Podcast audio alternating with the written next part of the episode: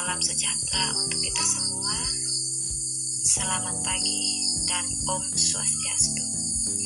Perkenalkan saya Nikomang Yuni Sundari, Ketua dari Kelompok 2, Angkatan 74, Latsar CPNS 2021, beserta anggota kelompok yang beranggotakan Dr. Marsha Gita Adelia, Mesti Luciawati, Saprian, Wilma. Kami akan memaparkan ringkasan materi mengenai kedudukan dan peran ASN dalam NKRI. Selamat mendengarkan. Assalamualaikum warahmatullahi wabarakatuh. Terima kasih atas kesempatan yang diberikan kepada saya. Baiklah, pada kesempatan kali ini saya akan menjelaskan tentang kedudukan dan peran ASN dalam NKRI. Pegawai ASN berperan sebagai perencana, pelaksana, dan pengawas penyelenggaraan tugas umum pemerintah dan pembangunan nasional melalui pelaksanaan kebijakan dan pelayanan publik yang profesional, bebas dari intervensi politik, serta bersih dari praktik korupsi, kolusi, dan nepotisme. Kedudukan dan peran ASN dalam NKRI terdiri dari manajemen ASN, pelayanan publik, dan whole of government. Terima kasih. Terima kasih atas kesempatan yang diberikan kepada saya.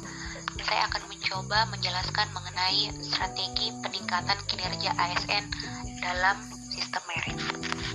Aparatur sipil negara merupakan motor penggerak pemerintahan pilar utama dalam melaksanakan tugas sebagai pelayanan publik yang secara langsung maupun tidak langsung bersinggungan dengan masyarakat.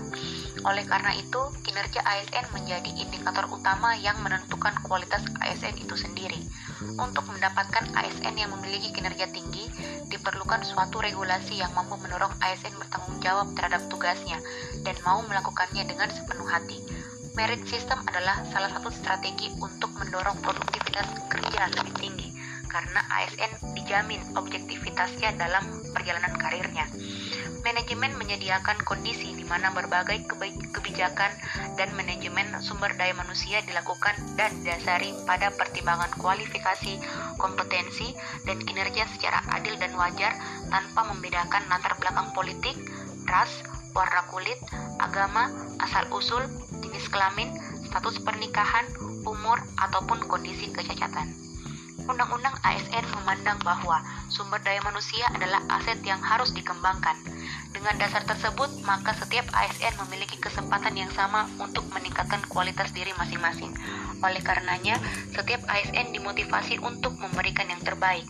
Sistem merit merupakan salah satu bentuk motiv motivasi bagi ASN yang ingin meningkatkan kualitas dirinya. Kehadiran Undang-Undang ASN menjadi tonggak penting dan harapan penerapan sistem merit system ini dalam pengelolaan sumber daya manusia Indonesia untuk mewujudkan aparat yang profesional dan berkualitas. Jaminan penerapan sistem merit ini dapat kita jumpai dalam semua tahapan manajemen ASN. Pasal pasal 1 tentang ketentuan umum memuat cakupan sistem merit dalam pengelolaan ASN, yaitu sistem merit adalah kebijakan dan manajemen ASN yang berdasarkan pada kualifikasi, kompetensi, dan kinerja secara adil dan wajar dengan tanpa membedakan latar belakang politik, ras, warna kulit, agama, asal-usul, jenis kelamin, status pernikahan, umur, dan kondisi kecacatan. Pencantuman sistem merit ini mengindikasikan keseriusan pemerintah untuk menerapkan objektivitas dalam manajemen ASN dan juga keharusan semua instansi pemerintah untuk menerap, menerapkan sistem merit dalam pengelolaan ASN-nya. Prinsip keadilan dan kewajaran ada dalam pasal di atas harus diterapkan untuk menjamin karir ASN yang jelas dan juga untuk tujuan peningkatan akuntabilitas kinerja pemerintah. Realisasi terapan sistem merit ini dan disertai dengan kompetensi dipercaya menunjang pertumbuhan ekonomi, mereduksi korupsi, kolusi, dan nepotisme. Terima kasih. Baiklah, saya akan menjelaskan strategi peningkatan kinerja aparatur sipil negara dalam perspektif mata pelatihan agenda 3 khususnya pelayanan untuk mewujudkan tujuan nasional sebagaimana tercantum pada alinea keempat pembukaan Undang-Undang Dasar 1945 dibutuhkan pegawai aparatur sipil negara yang mendapatkan mandat untuk melaksanakan tugas pelayanan publik, tugas pemerintahan, dan tugas pembangunan tertentu. Untuk menjalankan tugas tersebut, pegawai ASN harus memiliki kualifikasi, kompetensi, dan kinerja yang baik dalam rangka tata kelola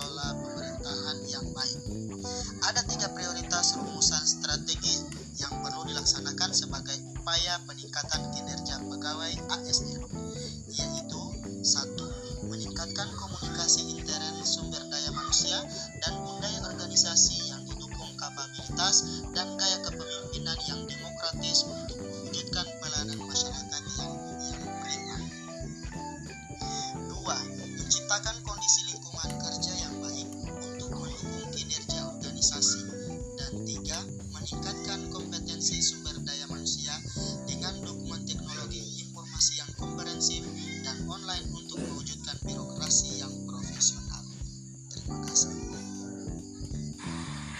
Whole of Government atau WOG adalah sebuah pendekatan penyelenggaraan pemerintahan yang menyatukan upaya-upaya kolaboratif pemerintahan dari keseluruhan sektor dalam ruang lingkup koordinasi yang lebih luas guna mencapai tujuan-tujuan pembangunan, kebijakan, manajemen program dan pelayanan publik. Terdapat beberapa alasan yang menyebabkan mengapa WOG menjadi penting dan tumbuh sebagai pendekatan yang mendapatkan perhatian dari pemerintah. Pertama, adalah adanya faktor-faktor eksternal seperti dorongan publik dalam mewujudkan integrasi kebijakan, program pembangunan dan pelayanan agar tercipta penyelenggaraan pemerintahan yang lebih baik. Selain itu, perkembangan teknologi informasi, situasi dan dinamika kebijakan yang lebih kompleks juga mendorong pentingnya WOG dalam menyatukan institusi pemerintah sebagai penyelenggara kebijakan dan pelayanan publik. Kedua, terkait faktor-faktor internal dengan adanya fenomena ketimpangan kapasitas sektoral sebagai akibat dari adanya nuansa kompetisi antar sektor dalam pembangunan. Itulah pemaparan dari kami kelompok 4. Kurang dan lebihnya kami mohon maaf yang sebesar-besarnya. Sekian dan terima kasih. Assalamualaikum warahmatullahi wabarakatuh.